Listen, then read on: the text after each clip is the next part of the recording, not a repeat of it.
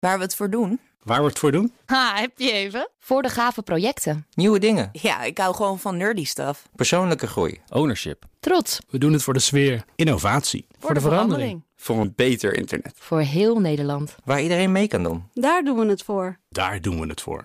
Waar doe jij het voor? Kom werken voor KPN en groei op jouw manier. Check de actuele vacatures op het gebied van data, security, development en networking op jobs.kpn.com/tech. Wetenschap vandaag. Ja, als docent kun je er maar druk mee zijn. Zorgen dat studenten opletten, hun huiswerk op tijd af hebben en goede cijfers halen. Wat zou hen hierbij kunnen helpen? Wetenschapsredacteur Carly Heipon heeft mogelijk het antwoord. Hey Carly. Hey. Nou, ik ben benieuwd. Wat gaat docenten helpen? Nou, dat is nudging. Ja, het vertaalt zich niet heel lekker, maar het komt neer op mensen een duwtje in de rug geven. Ik heb hierover gesproken met Robert Weijers. Hij is gedragspsycholoog bij Universiteit Utrecht en heeft gekeken hoe nudging kan helpen bij schoolprestaties. Want bij nudging kijk je naar hoe mensen in elkaar zitten. Bijvoorbeeld dat we gevoelig zijn voor sociale druk, of dat we datgene willen wat aantrekkelijk lijkt, of dat we soms ook best lui zijn. En door deze kennis te gebruiken, probeer je gedrag te veranderen. Nou, om het even iets concreter te maken, een leuk voorbeeld. Een nudge die we allemaal kennen is bijvoorbeeld Hollebolle Gijs. Dat is namelijk gewoon een prullenbak. Maar Hollebolle Gijs is zo ingericht dat wij het leuker vinden en aantrekkelijker vinden om het gedrag wat de Efteling wil zien, namelijk dat jij je afval weggooit, ook daadwerkelijk uit te voeren. Ja, een beetje speelser maken dus. En, en is dat idee van nudging dan nu toegepast op het onderwijs? Ja, inderdaad. Ze hebben op het vervolgonderwijs, dus MBO, HBO en de universiteit, samen met docenten gekeken welke problemen er zijn en hoe ze dit zouden kunnen oplossen. Een van de voorbeelden is- die we hebben was van, nou, we vinden dat er weinig gevraagd wordt tijdens de les. Terwijl docenten natuurlijk wel heel graag zien dat er niet alleen passief gezeten wordt in de klas. Nou, toen hebben we bedacht, wat kunnen we eraan doen? Ehm, mensen vinden het fijn als er een doel is om naar te streven. En proberen dat dan ook te halen. Dus we hebben gezegd met al die docenten, die starten hun les met één zin. En dat was, hey jongens, probeer nou allemaal één vraag te stellen tijdens deze les. En als het niet lukt, is ook niet erg. Maar probeer het nou. Ja, één vraag. En wat bleek, er werden inderdaad dus ook meer vragen gesteld. Wel een kleine kanttekening. Dit werd wel vooral gedaan door studenten die sowieso al Oh. vragen stelden. Ja, die stelden nu dus gewoon meer De vragen. rest werd niet genudged. Nee, de rest werd niet zo genudged, maar die leerden daar dus wel van. Eh, omdat uiteindelijk alle eindcijfers wel omhoog Oké, gingen. dus het gaat er eigenlijk niet om wie dan de vraag stelt. Nee, schijnbaar niet. Want zelfs als je dus alleen luisterde, dan had je toch wat aan de antwoorden van de docent op de vragen van anderen. Dus ja, dat klinkt eh, kat in het bakkie. Er is wel alleen één maar. We hebben het namelijk online ook nog een keer geprobeerd. Dat was vorig jaar tijdens COVID. Toen was alles weer online. En we deden precies hetzelfde, maar dan in de online lessen. En daar werkte het helemaal niet.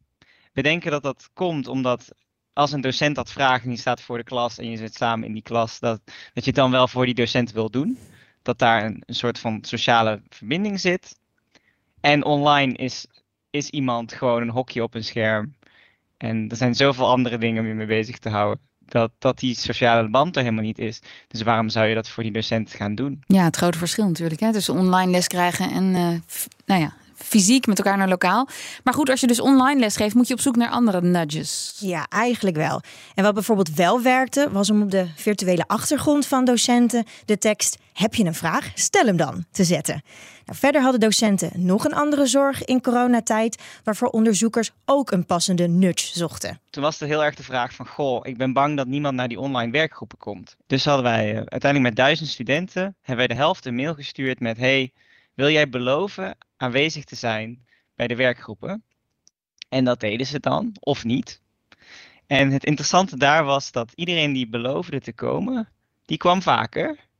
Maar iedereen die dus niet reageerde, die kwam ook minder vaak. In de praktijk betekent dat dus ook dat de studenten die al het wat lastiger hebben, daar ook onderuit gaan. Terwijl je dus de studenten die al wat beter doen, die al wat wel aanwezig willen zijn, die help je daarmee.